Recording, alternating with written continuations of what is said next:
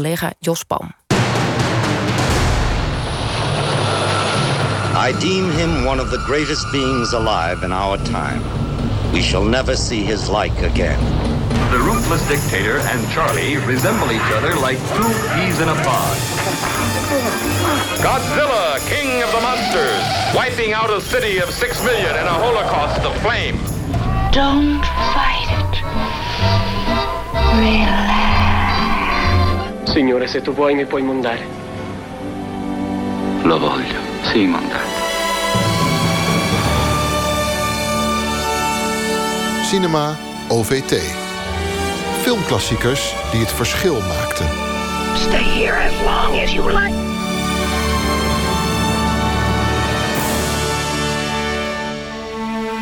Vandaag een superheldenfilm die meer dan 1 miljard opbracht. Het is een film uit 2008. Die wordt gezien als een van de belangrijkste post-9-11 films. Waar de thematiek van terrorisme, goed en kwaad en allerlei gedaantes in aanwezig is. We hebben het over The Dark Knight. Een van de drie Batman-films van regisseur Christopher Nolan. En we gaan erover praten met mediawetenschapper en superhelden-expert Dan Hessler-Forrest. Batman-fan en acteur Sadettin Kirmisius. We hoorden hem al eerder in Lawrence of Arabia overigens. En onze vaste gast, filmjournalist Floortje Smit. Welkom. Ja, Sadettin, om met jou te beginnen als fan... ben je ook de eerste die recht van spreken heeft, denk ik. Lekkere Batman-film deze? Vind ik wel, ja. Heel, ja, heel lekker. Ja. Wat is er lekker aan? Dat hij uh, lekker donker is. En dat er uh, ja, een ongelooflijk goede performance wordt, uh, wordt gedaan door, uh, door Heath Ledger. Een onverge onvergetelijke Joker, wat mij betreft. Ja, de, de, Joker. Dan Hessler Forrest, ga je hierin mee? Ik denk dat elk moment dat de Joker in beeld is, komt die film tot leven. ik ben niet een fan, ik heb wel een soort fascinatie met die film altijd gehad. Maar ik, ja, de, de, keerzijde van de medaille is dat ik vind dat elke keer als Heath Ledger uitbeeld, is dat de film als een soort plumpudding in elkaar zakt. Uh, en waarbij het andere probleem is dat Christopher Nolan als uh, regisseur en schrijver heel erg de neiging heeft om al zijn thema's ook heel erg direct in de monden van zijn personages te leggen. Dus er is eigenlijk geen subtekst. Die film die zegt gewoon de hele tijd wat hij bedoelt. En dat ja, vind ik een beetje saai om naar te kijken. Ook wel eens prettig, toch? Kan er zijn. Ja, heel veel mensen vinden het fantastisch. En die zeggen het is een superheldenfilm. Er is veel actie en, super, en Batmobile en dat soort dingen. Maar het is wel heel realistisch en het gaat echt ergens over. Dus ze voelen zich ook wel ja, het soort van een soort pulpgenre wat je ermee voelt. En Floortje? Nou ja, ik weet nog, ik heb, ik heb hem gezien uh, de eerste keer toen hij uh, net uitgebracht werd. Want ik moest voor interviews naar Londen. En ik weet nog dat ik hem zag en echt dacht hoe is het mogelijk dat een film zoveel thema's aanspreekt waar we, waar we het nu over hebben? Dus het wordt inderdaad gezien als een soort, beetje een soort pulpgenre. Het is een, een superheldenfilm. Maar echt alles uh, waar mensen op dat moment mee bezig waren zat erin. Uh, van, van privacy tot uh, politieke standpunten, morele dilemma's. Um, ja, ik vind dat nog steeds heel goed gedaan. Ik heb hem nu weer gezien. ik was inderdaad ook altijd heel erg ingenomen door, door de Joker als dat, de slechterik. Um, maar het fascinerende is dat als je hem nog een keer kijkt, zie je weer andere dingen terugkomen. En um, ook de denkbeelden die je erover hebt kantelen eigenlijk per keer dat je hem ziet. We gaan hem straks ontleden, maar we luisteren eerst naar de trailer. Good evening, ladies and gentlemen. We're tonight's entertainment. Well, hello, beautiful. You look nervous. The night is darkest just before the dawn. I promise you, the dawn is coming. And here we go.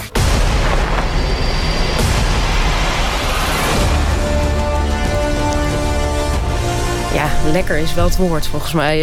Uh, Floortje, opvallend genoeg horen we in de trailer dus vooral de bad guy. Jullie hadden het net erover, uh, de Joker. Uh, want misschien is hij wel de echte hoofdpersonage in deze film. Kun je los van de thema's eerst even het narratief vertellen? Ja, nou, het narratief is vrij simpel. Je hebt Batman, dat is een, een superheld. Eigenlijk die als een soort burgerwacht de politie bijstaat. De politie is op dat moment heel erg bezig om de maffia in Gotham. Gotham is een stad vergelijkbaar met New York is New York, zou je ook kunnen zeggen. Om die maffia op te rollen. Er is een uh, officier van justitie, hele keurige, nette man... die uh, ook echt helemaal het goede uh, um, symboliseert. En um, de maffia wordt alleen bijgestaan door de Joker. Die komt de film binnen. En vanaf dat moment gaan eigenlijk alle regels van tafel. Want deze man speelt niet volgens de regels. Het enige wat hij wil is angst en paniek veroorzaken. En je ziet dat je dus uh, Batman hebt en uh, die officier van justitie... die geen enkel idee hebben hoe ze daarmee om moeten gaan. Hè? Met iets wat volstrekt irrationeel is. Uh, waar je geen grip op krijgt. Wat je eigenlijk alleen maar kan bestrijden. Uh, en, en daardoor gaat het dus inderdaad over veel grotere thema's. Over privacy, over martelingen. En je ziet eigenlijk alles escaleren tot ja, echt een, een apocalyptische strijd eigenlijk. Dus daar zit meteen al het element van dat de film direct verwijst naar 9-11. Ja, ja, daar zie je het in terug. Je ziet het ook visueel terug hoor. Want wat ik zei, Gotham is New York City. Dus je, je glijdt door die straten. Je komt van. Uh, je hebt heel veel shots van bovenaf. Um, het is wel Chicago, hè? In de, waar ja, het is, het is officieel. Ben Heffer, ja, ja, ja, dank u wel voor deze inbreng. Dank u wel. Maar het is natuurlijk een en al verwijzing in, uh, naar New York. En op het moment dat je daar uh, bijvoorbeeld militairen op straat ziet. in een hele donkere, duistere wereld. als je hulpverleners door die straten ziet gaan. ja, je kan bijna niet anders dan terugdenken aan, aan die aan dat terrorisme. Plus de poster. Hè. De, de poster is heel bekend. Daar staat Batman voor een soort flatgebouw... waar uh, de bovenverdieping is weggeblazen door een explosie. Nou, die kan je bijna letterlijk naast 9-11 foto's leggen. Hij zocht er wel naar. Dan kijk jij er ook zo naar? Ja, ja, ja. Ik heb... Uh, uh, ik denk dat ik, ja, het ziet er niet uit als de beelden van New York na 11 september. Maar de, ik denk dat de, de nasleep daarvan en het idee dat daarna via de politiek en de media is ontstaan... dat we leven in een heel nieuw tijdperk. Een tijdperk van angst, een tijdperk van onzekerheid... een tijdperk waarin nou ja, traditionele manieren om uh, het kwaad tegen te gaan... niet meer lijken op te gaan. En dan is de, de Joker een soort van nou ja, verwezenlijking van...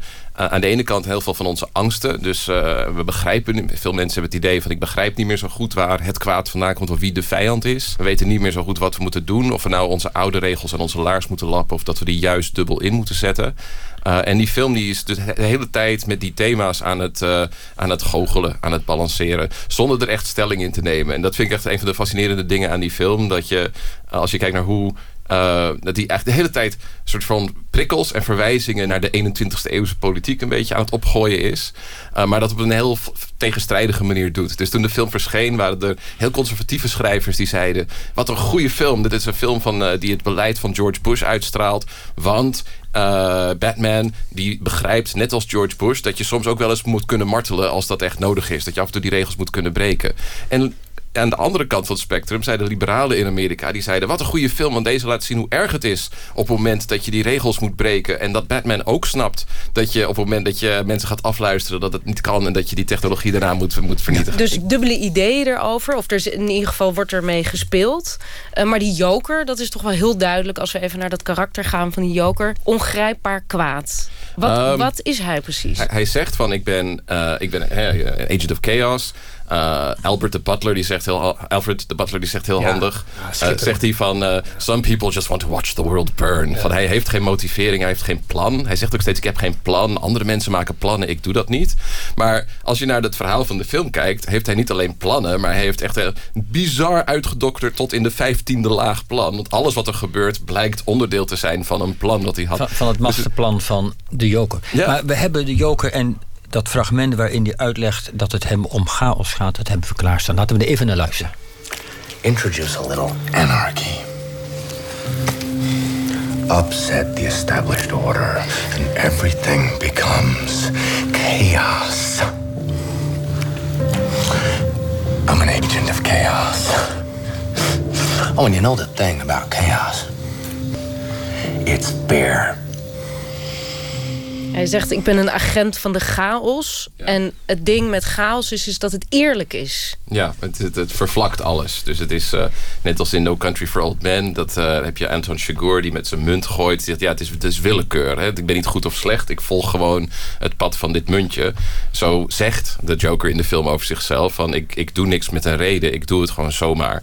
Ehm, maar dat, zijn acties spreken dat dus de hele tijd tegen. En dat, dat, je kan zeggen, van dat maakt het dus een, een incoherente film. Je kan ook zeggen, van dat maakt het een heel erg tot een verbeeldingssprekende film. Want elke keer dat je hem kijkt, precies zoals je zegt... Is het, blijkt dat je er andere dingen in ziet. Want die film die geeft eigenlijk geen antwoord op de vragen die hij oproept. En die laat die dingen naast elkaar bestaan. En zoals je al eerder zei, de Joker is dus ook eigenlijk de hoofdpersoon van deze film. Veel interessanter dan die suffe, conservatieve Batman... die gewoon de bestaande orde intact wil houden. En daarbij zucht en steunt en die rare stem opzet. Is dat Uh, ook voor jou, Sadetti, want jij bent fan... eh, is dit een droomgriezel voor jou? De Joker, ja. De Joker is de, de beste schurk van allemaal. Beter dan Darth Vader zelfs. Maar is Batman ook, wat, wat, wat zei je nou? Een, een, een suffe, eh, wat zei je, Dan? Vergeleken met de Joker misschien, maar ook... Ik vind, ja, ik vind Batman ook de beste held. Eh, beter dan Ja, Luke Skywalker. eh, als we nog heel even bij de Joker, want we hebben het er nu al een tijdje over, nog heel even kort en krachtig stilstaan, is, is inderdaad die figuur van de Joker in al die facetten, in die onvoorspelbaarheid en juist in die onberekenbaarheid, terwijl hij tegelijkertijd een masterplan heeft, is dat nou een ultieme verwijzing naar de terroristische leiders die Amerika hebben bedreigd en bedreigen? Ja, volgens mij wel. Kijk, het, punt van die hele Joker is natuurlijk dat hij in principe geen ideologie heeft. Dat zegt hij ook. Ik heb geen ideologie. En je kan van deze strijders zeggen dat ze wel degelijk een ideologie hebben. Alleen als je het vanuit Amerikaans oogpunt bekijkt. Hè, dus iemand die dingen doet, die eigen regels heeft, die je niet begrijpt. ehm, ja, gewoon volstrekt eh vreed, eh, niets ontziend. Eh, hij heeft ja, kinderen, het, maakt hem allemaal, het maakt hem allemaal niks uit wie, die, wie die pakt. Ja, en dan, dan is dat eigenlijk de ultieme, hij verbeeldt eigenlijk de ultieme angst die je hebt voor terrorisme. Dus hij staat niet zozeer voor deze ideologische leiders, maar hij staat voor terrorisme volgens mij als geheel. Wat terrorisme met je doet als burger, daar staat hij voor. Ja. Waar, waar, waarin, waar- waarin ze zitten te, te, te mieren en te klieren, net zolang tot je van angst niet meer onder de tafel uit durft te Ja, komen. maar, daar, daar gaat het om. maar we voelen ons toch ook ontzettend tot de Joker aangetrokken, die hele film lang. Hij is, hij is de ultieme bevrijding van het individu. Hij doet alles waar hij zin in heeft en op een ontzettende charmante en slimme en charismatische manier. En hij is ook grappig. Hij is ontzettend, hij is, hij is grappig. Hij is eh, de enige Batman slechterik die de film ook mag overleven aan het einde. Hij, hij, hij, is degene, hij is de reden waarom we die film kijken en blijven kijken. Dus het, het grappige is dus dat zodra je probeert om één ding aan, één betekenis aan hem vast te klappen. Of het nou de held of de slechterik is, of het het terrorisme of datgene wat terrorisme juist in toom houdt. Alles gaat in elkaar over en draait elkaar om. En dat, dat creëert die fascinatie die goede populaire cultuur juist ook doet. Is dat het niet één ding blijft, maar dat het continu ja, je in verwarring brengt. Maar de overheid die worstelt er wel mee. eh, Ja, hoe moeten we dat kwaad dat zo ongrijpbaar is dan bestrijden? Daar gaat het ook over. Ehm, wat zien we daarover in de film? De, degene die de film bekritiseerd hebben om zijn conservatieve politiek, waaronder ik zelf, hebben altijd beargumenteerd van ja, Batman die staat voor de, eh, staat binnen de film voor ehm, eh, de, de traditionele orde die niet meer op een ouderwetse manier eh, in stand kan blijven. En de Joker is dus een soort van, nou ja, metafoor voor de chaos en angst die wij allemaal voelen. Die ons tegelijkertijd aantrekt, want een chaotische wereld is spannend en interessant, maar is ook angstig en daar worden we onrustig van. Dus die dynamiek tussen die twee, eh, die staat voor een conservatief wereldbeeld waarin inderdaad, zo, eh, eh, zoals Amerikanen graag over terreur of terrorisme denken, zeker in de, eerste jaren na 11 september, is niet van we moeten proberen om te begrijpen waar dit vandaan komt, historisch, en wat de beweegredenen zijn van de mensen die ons hebben aangevallen. Uh, en dat we daar misschien zelf ook een aandeel in hebben gehad in de historische ontwikkeling van dit conflict. Het is van nee, er is een soort van totaal onbegrijpelijk kwaad, wat ons zomaar vanuit het niks heeft aangevallen. En dus mogen wij nu ook van alles doen, want dit is nu eenmaal een wereld zonder regels. Dat is ook wat er op de uh, poster stond. Welcome to a world without rules. Ik meen ook dat er in de film een fragment is. Ik weet ook niet meer wie het zegt. Misschien weet een van jullie dat nog, Floortje of Sadetin. Dat iemand zegt van uh, een democratie moet worden bewaakt door een dictator. Dat deed Caesar ook. Ja. Kunnen Ja. jullie nog herinneren? Wie, wie zegt het eigenlijk? Volgens mij zegt uh, Harvey Dent? Harvey Dent zegt dat, hè? Harvey Dent. Leg En even Harvey uit wie Harvey Dent Harvey Dent is dus die, die officier van, uh, van justitie. Um, en, en helemaal aan het begin hebben ze een soort discussie over hoe je, hoe je inderdaad uh, zo'n zo'n democratie moet beschermen. En hij zegt. Uh, hij heeft dan, je hebt een, een Caesar nodig, dus iemand die de macht pakt, tijdelijk. Waarop iemand anders ook meteen weer tegenwerpt. Ja, maar wacht even. Hij heeft die macht dus ook nooit meer teruggegeven. Dus dit is ook weer zo'n voorbeeld. Het zijn voortdurend dit soort discussies over, over wat wel en niet kan, eh, waar de grenzen liggen. Eh, en wat je, wat je vooral heel duidelijk ziet in deze film volgens mij is dat alle klassieke dingen, zoals uh, waarvan je zou denken van dat, dat beschermt ons, dat werkt niet. Je, ziet bijvoorbeeld heel veel beveiligingspoortjes. Uh, iedere keer en dan, dan heeft die Joker heeft een plan en dan gooien ze alle beveiliging enorm omhoog en ze komen er altijd zo tussendoor. Dus de hele beveiliging is lastiger. Tenminste, dat, dat is niet afdoende. Dus je moet daar buitenom moet je andere dingen gaan proberen. Um, en volgens mij is dit ook wel een van de eerste films waarin um, marteling niet per se meteen als slecht werd gezien. Hij werd, um, um, je ziet Batman mensen in elkaar slaan bijvoorbeeld. Nou, dat is volgens mij, maar kijk even nu naar Den. Dat was niet iets wat hij deed. Batman had een soort erecode van we, we, ja. we moorden niet. Een... Ja. 13 ook, uh, ja, Batman. Volgens mij uh, breekt uh, Batman vooral armen en benen en maakt hij niemand dood. Hij, er is een scène dat hij de controle verliest. En dat hij ook... dat hij ook dat hij woedend wordt dat en hij woedend de Joker wordt. met zijn hoofd op de tafel beukt en zo. Want Batman is in crisis ook zelf, Batman toch? Zelf, die raakt zelf in crisis omdat hij dus niet meer goed weet wat hij, wat hij wel niet moet doen. En hij wordt persoonlijk bespeeld omdat zijn goede vriendin wordt gekidnapt en gedood. En nou ja, al dat soort dingen. Um, het is niet helemaal... Het is, het, het, is moeilijk om te zeggen Batman doet dit of dat wel of niet. Want we hebben zoveel Batmans gehad ja. in uh, de afgelopen... Wat is het? Hoeveel jaren sinds, is het sinds 19... Uh, sinds eind jaren 30? Uh, ik heb ik heb een hoop Batman films te kijken. Want ik had natuurlijk een goed excuus omdat ik hierover moest komen praten. En uh, de tweede Tim Burton film met Batman, Batman Returns. Dat begint gewoon met een, met een gigantische knokpartij. Waarin hij allerlei mensen levend verbrandt. Dus het is dat hij nooit. Weet je dat, dat idee dat wel bij veel fans leeft. Van ja, maar Batman heeft een erecode. Die mag nooit iemand doden. is een heel selectief beeld ja. van Batman. Wat gebaseerd is op gewoon een, een soort van aantal momentopnames. Maar hij probeert wel, zien we steeds, in ieder geval in het goede te blijven geloven. Daar hebben we ook een fragment van. Uh, de, de man met de ge, ge, ja, getormenteerde, rare vervormde stem is dus Batman. What were you trying to prove? That deep down, everyone's as ugly as you. You're alone. This city just showed you that it's full of people ready to believe in good. Until their spirit breaks completely. Ja, we hoorden net een fragment uit de film. We praten trouwens over The Dark Knight in Cinema OVT. Een achtdelige serie over filmklassiekers. Deze gaat over The Dark Knight uit 2008, een Batman-film. En we hoorden Batman net zelf. Die probeert de Joker ervan te overtuigen... dat het gros van de, de massa, de mensen, de burgers... toch voor het goede blijft kiezen. Sadetti, weet je op welk moment in de film dit is? Dat is aan het eind, geloof ik. Volgens mij uh, als, uh, als er twee boten gegijzeld zijn... of in ieder geval zijn bommen op boten... en uh, een boot met gevangenen... heeft een, een apparaat om de, boot, op de, om de bom op de andere boot tot ontploffing te laten te brengen. En dat is heel spannend. Gaan ze het doen of niet om zichzelf te redden uiteindelijk?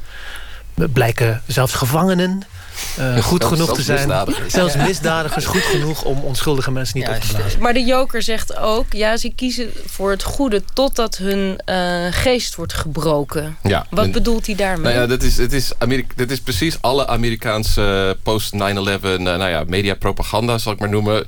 Uh, ging erom van ja, ze hebben ons heel diep getroffen met deze verschrikkelijke aanval.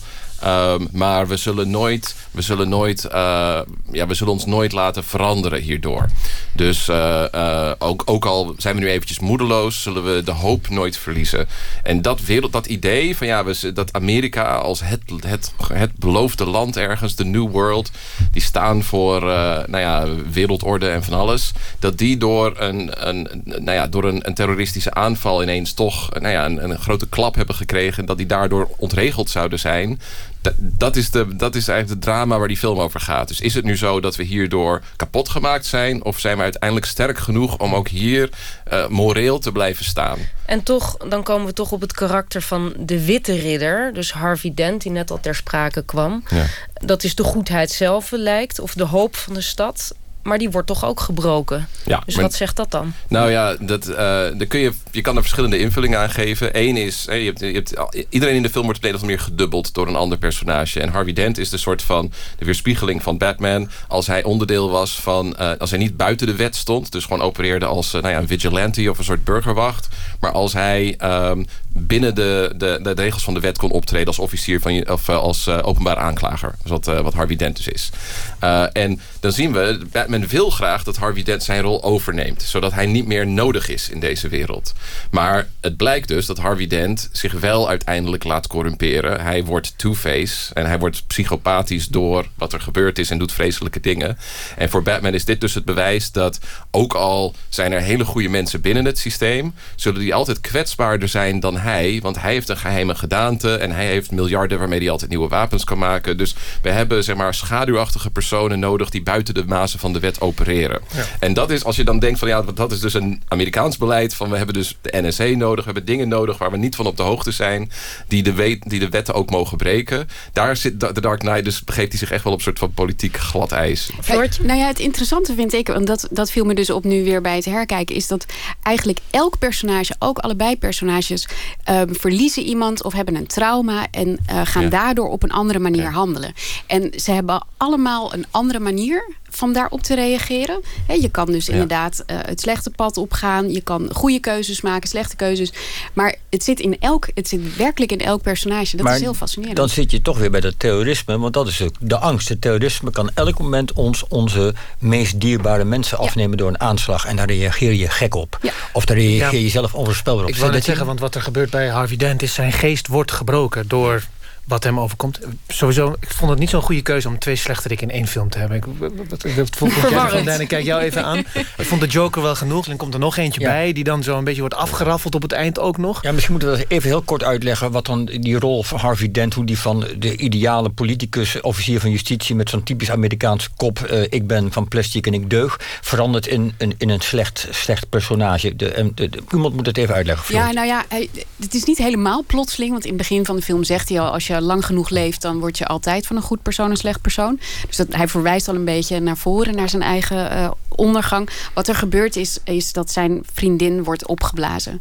En hij kan daar... eh, hij is vastbesloten om vervolgens wraak te nemen... op degene die hem dat hebben aangedaan. Dus je krijgt inderdaad naast de Joker... krijg je er een, eh, een, een extra personage bij... Waarbij natuurlijk de Joker wel die man gecreëerd heeft. Want dat was precies de bedoeling. Wat hij, wat hij wilde laten zien daarmee is dat goede mensen ehm, slecht kunnen worden. Ik hoorde jou straks zeggen, eh Den, dat eh, die Batman... dat was eigenlijk een soort, hè, die stond voor een overheid... die allerlei middelen gebruikt. Maar eigenlijk staat hij buiten de wet. Ook in deze film. Hij staat boven en buiten. Ja. Het is, dus met, met de gewone middelen... en met de gewone democratische eh, apparatuur... kunnen we het niet aan. Er is een, iets anders voor nodig. Batman Ja. dus. Ja, de superheldenfilms zijn dus ook bijna per definitie antidemocratische films. Ze zeggen altijd, we hebben helden nodig die eh, onafhankelijk van eh, juridische regels en eh, democratische processen en instituten kunnen handelen. En dat is goed. Het is goed dat die er zijn, want, eh, want eh, de rest is allemaal maar bureaucratisch ge- geneuzel en dan komen we nooit uit. Daarom is eh, eh, de Avengers, eh, nee, Captain America Marvel film heel anders. Civil War ja, gaat hier over. Superhelden moeten zich registreren, wel, niet, wel, niet, et cetera. Oh, dat wordt Ook het geproblematiseerd. kijktip. Ja, ja, daar gaat het daarover. Maar Batman dringt ook door in onze persoonlijke levens. Het privacy-thema komt ook ter sprake. Wordt er in de film ook gezegd van dat moeten we wel of niet willen? Nou ja, dat is ook weer zo'n hele dubbele positie die de film inneemt. Fascinerend. Die zegt, ehm, Batman bouwt een, een soort superapparaat... waarin hij alles en iedereen in Gotham kan bekijken en afluisteren. Ja, en een van zijn ja. vele vaderfiguren... die spreekt hem dan toe en die zegt... nee, nee, nee, nee, nee, Batman, dat is verkeerd. Het is moreel verkeerd om dit te doen. Je mag niet zomaar iedereen afluisteren. En Batman fluistert dan dramatisch van... nou, ik gebruik er maar één keer en daarna gaat hij in de fik. Want dat is natuurlijk wat wij doen met technologie... waarmee mensen afluisteren. We doen het één keer en daarna gaat hij in de kast om dan weer te gebruiken. Dus het, het, het grappige ervan is dat het, het keurt het af... Maar het laat ook zien van ja, je moet het toch soms gebruiken, ook al is het niet oké. En daardoor, als je het moet plaatsen, politiek, zeg maar, aan de conservatieve kant of meer aan de liberale kant, valt die film elke keer toch meer aan de conservatieve kant uit, omdat hij zegt, ja, het is niet oké en toch moeten we het doen. Ja, en het is in goede handen. Ja, precies. Het is als Batman als soort van verlengstuk, soort van buitenrechtelijk verlengstuk van uh, de uitvoerende macht in Amerika.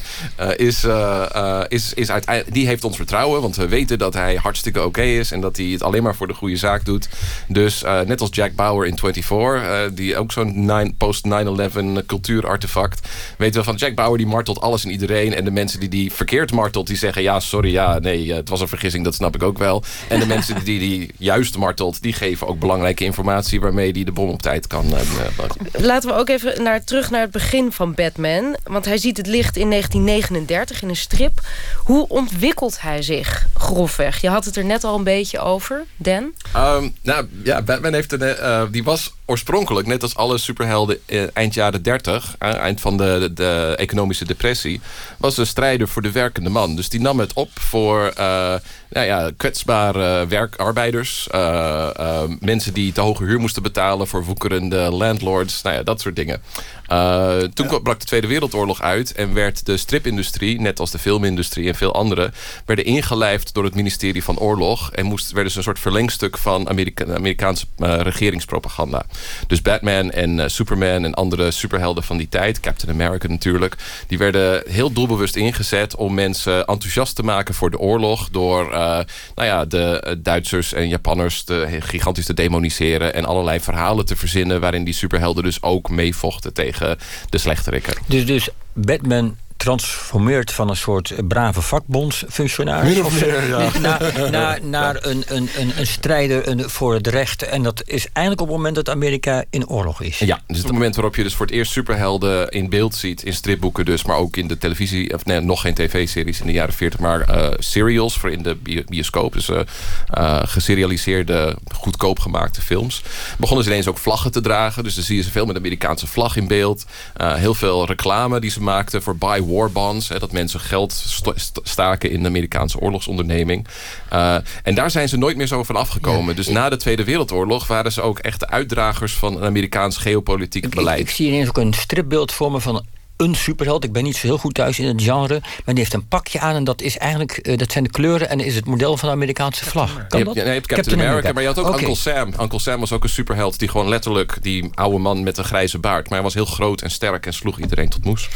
Dan heb je in de jaren 60... Uh, dan start de immens populaire Batman-serie. Uh, laten we even luisteren naar een fragment. Ja.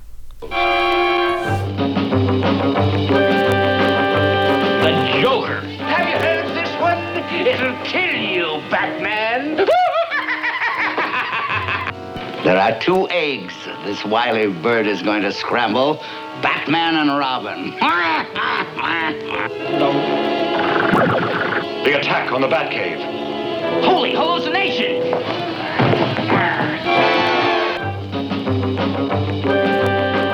Schattig. Ja, ik, ik weet niet of dat helemaal schattig is. Ik, ik ben inmiddels van de leeftijd dat ik hier nog echt met spanning en verbazing ja. naar heb gekeken. En dacht, dit is spannend, dan krijg je het op aarde niet. Maar hoe oud was je toen, Jos? Tien. uh, maar tegenover mij, tegenover ons zit Sadettin. En Sadettin, ja. jij bent ook fan hiervan. Heb jij Batman ontdekt door dit? dit? Ja, jij had vroeger op de Nederlandse buis uh, VPRO. Sky. VPRO heeft dit ook nog uitgezonden. Was er niet op Fun Factory dat het werd uitgezonden? Nee, nee, nee Batman was bij VPRO. Oké, okay, uh, VPRO, VPRO dan toch. Ja, dan toch dat. Dus echt jaren tachtig heb ik dit ja. gezien. Ja, ja, zeker. Nee, dit heb ik echt... Uh... En was het niet te gedateerd voor jou? Nee, ik had geen idee dat dit... Uh, maak, Sadetti, maak ons even deelgenoot van die ervaring. Je ziet het voor het eerst. En ja, dan? je ziet sowieso wat fantastisch is... Uh, dat, dat hij een hulpje had. Hè, natuurlijk. Ik bedoel, kijk, uh, Bruce Wayne... die naam is nog geen enkele keer genoemd. Hè, de, de ware identiteit van Batman even onthullen hier. Dat is gewoon een, een multimiljardair... met een, met een, met een ongelooflijk goed verhaal natuurlijk. Een groot trauma, et cetera. Maar die neemt op een gegeven moment een hulpje in dienst. En dat is dan Robin, Boy Wonder... Ja, daar identificeerde ik me ook heel erg mee, weet je. Dat je dan zo ja, vooral. Een, een superheld kon helpen. Dat je dus ja. eigenlijk erbij kon zijn. En het was ja, achteraf gezien, ik kijk daar nu met een grote glimlach naar. Het is natuurlijk een ongelofelijke camp. Maar uh, ja, nee, dit is wel mijn eerste kennismaking met deze figuren. En pas later kwam ik uh, nou, via de films, maar ook via de comics... eh, kwam ik achter die, eh, die duistere kant. Eh, kijk even naar rechts. Dark Knight Returns bijvoorbeeld. Dat is, Ja. mijn, dat is mijn persoonlijke Ja. favoriet. Ja. Waarom is Robin verdwenen? Heeft dat met homoerotisch geroddel te maken of zo? Waar, waarom is Robin verdwenen? Ja, maar Robin, Robin komt en gaat, Ja. zoals het de producenten uitkomt. Dus eh, in, in Bat- nou ja, Batman en Robin, de vierde Batman-film in de serie die in 1989 begon, was hij volop aanwezig. En hij werd volgens mij al in Batman Forever, de derde film, geïntroduceerd.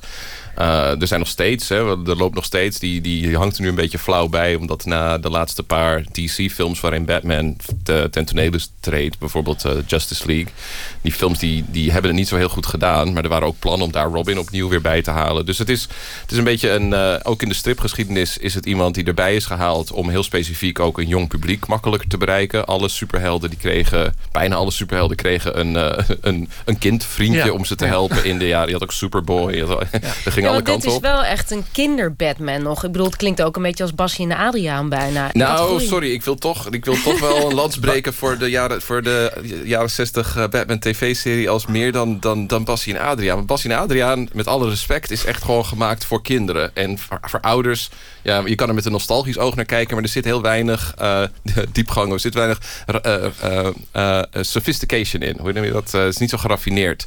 En Batman is heel, heel bewust gemaakt om aan de ene kant een soort kleurrijke fantasie voor jonge kinderen te bieden, maar tegelijkertijd een en al woordspelingen en, Ja, en, ja, ja. En, en visuele vondsten. En dingen die dus inderdaad heel campy en over the top zijn. Maar die ouders ontzettend goed weten te vermaken. Dus Net het is als een- Bert en Ernie dan eigenlijk. Net als Bert en Ernie, net als de Muppet Show, net als de Simpsons, weet je wel. Dat zijn dingen die heel gelaagd zijn in hoe ze in elkaar zitten. En dat het niet serieus is, betekent niet... Dat is dus ook waar ik een beetje... Ja, waarom ik al zo'n broertje dood heb altijd in die Christopher Nolan films. Het is allemaal, hè, zoals de Joker vraagt, why so serious? Ik denk, jongen, jongen, het kan ook wel een beetje... Er mag wel een beetje fun in zitten. En dat... Hij heeft weinig zelfspot. Er inderdaad. zit geen zelfspot in Batman, in de, in de Christopher Nolan Batman. En in de jaren tachtig werden strips, die gingen zich steeds meer op een volwassen markt richten. En boeken inderdaad zoals eh, Batman The Dark Knight eh, Returns, die zijn... eh, eh, ook, waren ook heel erg gericht op de volwassen stripverzamelaar en striplezer. Waren veel gewelddadiger. eh, raakten ook aan allerlei politieke en sociale thema's. En dat is wat The Dark Knight heel sterk doet. Maar we doen het nou heel rationeel steeds. Hè? We zijn rationeel aan het verklaren waarom Batman ons iets doet. Maar als je nog gewoon probeert terug te kijken naar het jongetje... wat jij ooit was en aan die film zat te kijken... we hadden het er net al een beetje over. Wat gebeurt er dan als je... Wat, wat doet Batman met ons?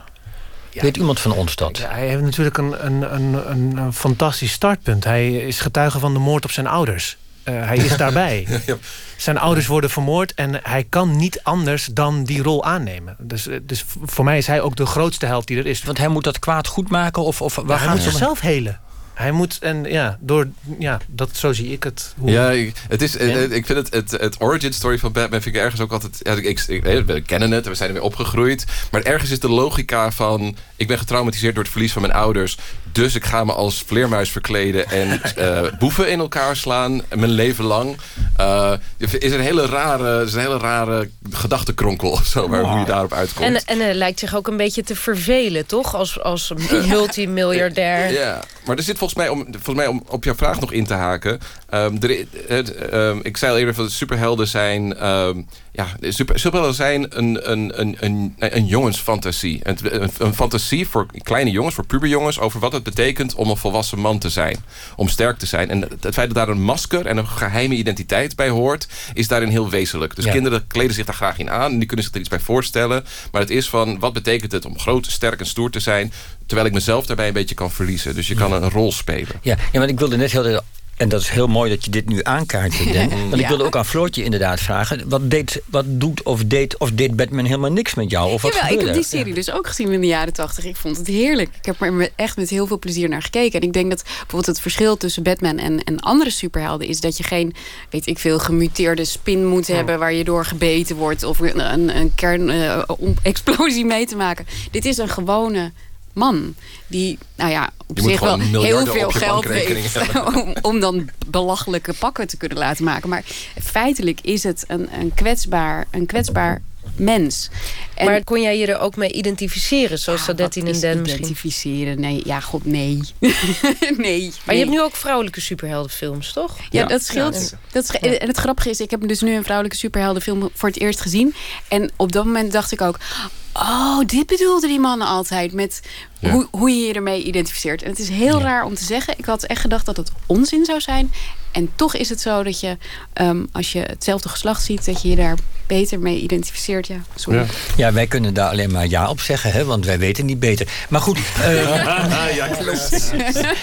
het woord vrouw en man is nu vervallen. Wat, wat gebeurt eh, als we de, de schaal van hoe is het met vrouwen gesteld in een film, hoe, hoe, zit, hoe, ziet deze, hoe zit het dan met deze film? Nou, niet zo goed. Niet zo goed. Dat, eh, dat is, je, eh, The Dark Knight is wel echt een van die films die... eh, ehm, ja, ik, zeg altijd van als, als, als een man zegt... mijn favoriete films zijn Fight Club en The Dark Knight... dan moet je snel wegwezen en die ten en links swipen. Want het zijn van die films waarin een soort van duistere, moeilijke mannelijkheid heel centraal staat.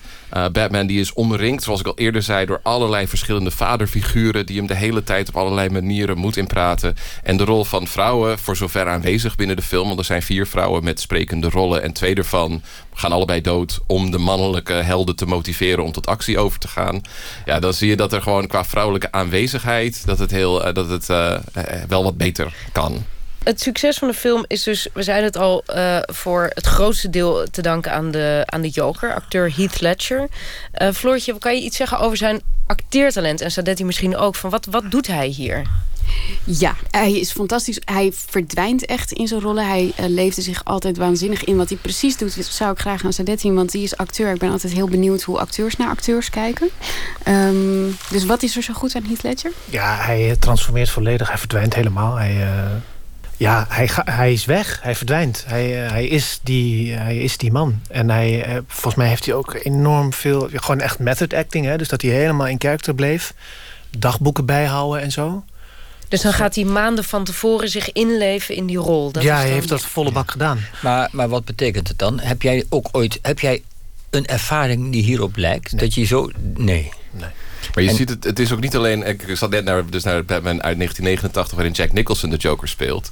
En eh, hoe leuk die ook is in die film. Je vergeet geen moment van dit is Jack Nicholson die de Joker speelt. Ja, dus de, de mimiek en de manier waarop hij zijn nou ja, ze gebaard en, eh, met z'n- en alles aan hem is gewoon Jack Nicholson die de Joker doet. En bij Heath Ledger, precies zoals je zegt, is het, hij verdwijnt erin, maar dat, dat heeft, eh, je herkent zijn stem niet. Uit hij, heeft een, hij heeft een hele, veel minder dan Batman's stem, die hij opzet, die heel erg bij hem hoort. Hij beweegt zijn lichaam op een manier, de hele film lang, die, die heel ja, fascinerend, een beetje dansachtig is, Mhm. maar niet natuurlijk lijkt. Hij En- smakt. Ja, Hij heeft, hij ja, hij heeft allerlei kleine ja, affectations, kleine Ja. dingetjes die hij doet, die, ehm, ja, die heel uniek zijn in die rol. En die ook, daar- daardoor voelt het ook niet alsof hij eh, ja, een rol aan het spelen is, maar alsof daar een soort bizarre aanwezigheid in die wereld van die film is. En dat het zit, heel, zit in de kleinste dingen. Het zit bijvoorbeeld in dat prachtige shot, eh, mijn lievelingsshot in die film, waarin je in slow motion ziet dat hij zijn hoofd uit het raam van een rijdende auto steekt, zoals een hond dat doet. En zijn haar zo laat wapperen en zijn mond open laat hangen. En dat, zit, en dat is zo treffend voor hoe hij is in die film. Nou ja, het punt is natuurlijk met die, met die Joker is, is een soort iconisch karakter. En hij heeft daar wel volledig zijn eigen draai aan gegeven. Hij heeft zoveel Ja. keuzes gemaakt. En die Ja. keuzes pakken eigenlijk allemaal goed uit. Ja. Wat, en hij is ook een beetje echt de- de- fenomenaal. de- hij is ook een beetje het meetpunt geworden. Dus de- er is, Ja. Jared Leto heeft de Joker gespeeld. Die wordt meteen met hem vergeleken. Er komt volgens mij na de zomer, eind van dit Ja. jaar... komt er nog een, een Joaquin origin story met ja. Joaquin Phoenix. Daar wordt hij ook meteen mee vergeleken. Hij is echt een beetje de maatstaf geworden. Maar hij heeft het wel ja, met zijn leven bekocht. Of misschien is dat een te duidelijke 1-2 Dit zeggen link. ze heel vaak. maar- er schijnt een soort jokervloek te zijn. Dus als je die joker hebt gespeeld, gaat het, loopt het daarna heel slecht met je af. Ehm, hij heeft eh, vlak na de opnames, hij was alweer bezig met een nieuwe film, heeft hij een, overdosis genomen. En niemand weet precies of dat nou per ongeluk was of weer niet. Of nou ja, in ieder geval. Ehm, maar zijn zus heeft inmiddels heeft dit al ontkracht. Die zei nou, hij vond het echt een fantastische rol om te spelen. Hij heeft er zoveel plezier in gehad. Ehm, hij gebruikte dus drugs, maar mensen zeiden dus ook hij heeft daardoor te veel drugs gaan gebruiken of om die gekte nog verder te stimuleren. Ja, persoonlijk denk ik gewoon, ja, het is gewoon onzin. Het was gewoon een drugsverslaafde man. als- hij heeft eh, een Ja. overdosis genomen. Ja, net als Philip Seymour Hoffman. Precies. Als we deze film eh, tot slot eh, mensen willen aanraden... en zeggen, nou kijk nou eens naar deze film... met welke ogen moet je dan kijken? Is er één fragment, één moment waarvan je zegt... let daarop als je gaat kijken. Sadetti. Ja, eh, do you want to know how I got these scars? Die twee verhalen die hij vertelt over de littekens. volgens mij, geïmproviseerd. Ja. volgens mij geïmproviseerd. Het is elke keer een ander verhaal. Want hij heeft een, eh, het heet dan een, ja, eh, een Chelsea grin. eh, Afhankelijk van waar. Dus dat, van de oren tot de mond opengesneden littekens. Hij vertelt elke keer eh, net een ander verhaal over hoe hij daaraan komt. Ah, dat is doodeng. Ongelooflijk. Ja, supergoed. En Floortje? Nou, ik vind het kostuum van, eh, van de Joker heel erg leuk. De kostuumontwerpster heeft dat eh, gebaseerd op, eh, op eh, anarchistische punkers. Dus je ziet een beetje Iggy Pop terug. Je ziet een beetje Johnny Rotten terug. Ik vind dat gewoon één voorbeeld van... dat, dat je gewoon ziet hoe, hoeveel zorg en aandacht en liefde... er in de film en in de personages eh, is gestopt. En Dan? Nou ja, ja, ik noemde net al één moment wat, wat, wat voor mij er heel erg tussen uitspringt. Maar wat ik, wat ik nog zou willen benoemen is de muziek. Ehm, de, de score van Hans Zimmer heeft hij samen met iemand anders gedaan. Maar die, ehm, die is ontzettend... Die lijmt die hele film aan elkaar. En die, omdat die zo bombastisch is... ehm, je wordt eigenlijk... Ja, er is geen echt eh, melodie, geen melodie die alles bij elkaar houdt. Batman heeft nu eh, twee, ja, het zijn twee tonen, dus pom, pom. En dat hoor je als je Batman ziet. En je hoort een soort gekke gitaargescheur op het moment dat je heel hoog, op het moment dat de Joker in beeld komt. Dus ze hebben allebei een soort geluid. Maar dat geluid dat gaat echt, nou ja, dat wordt op 11 gezet, zeg maar. Dat wordt zo hard mogelijk.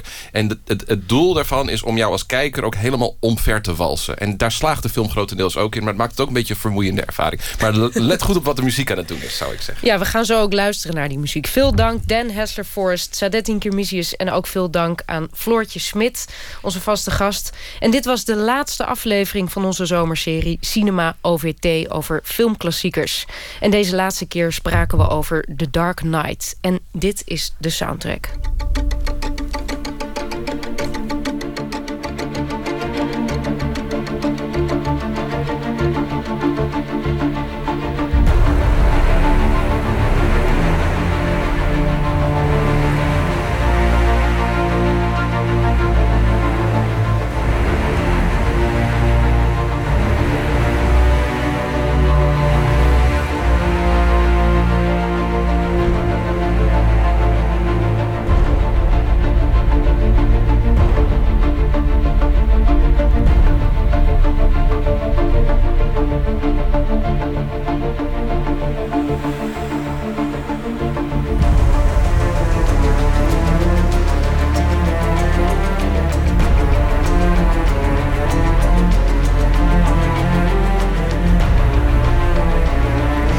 Ja, dat was Cinema OVT. En eerder spraken we over Lawrence of Arabia, Boys in the Hood...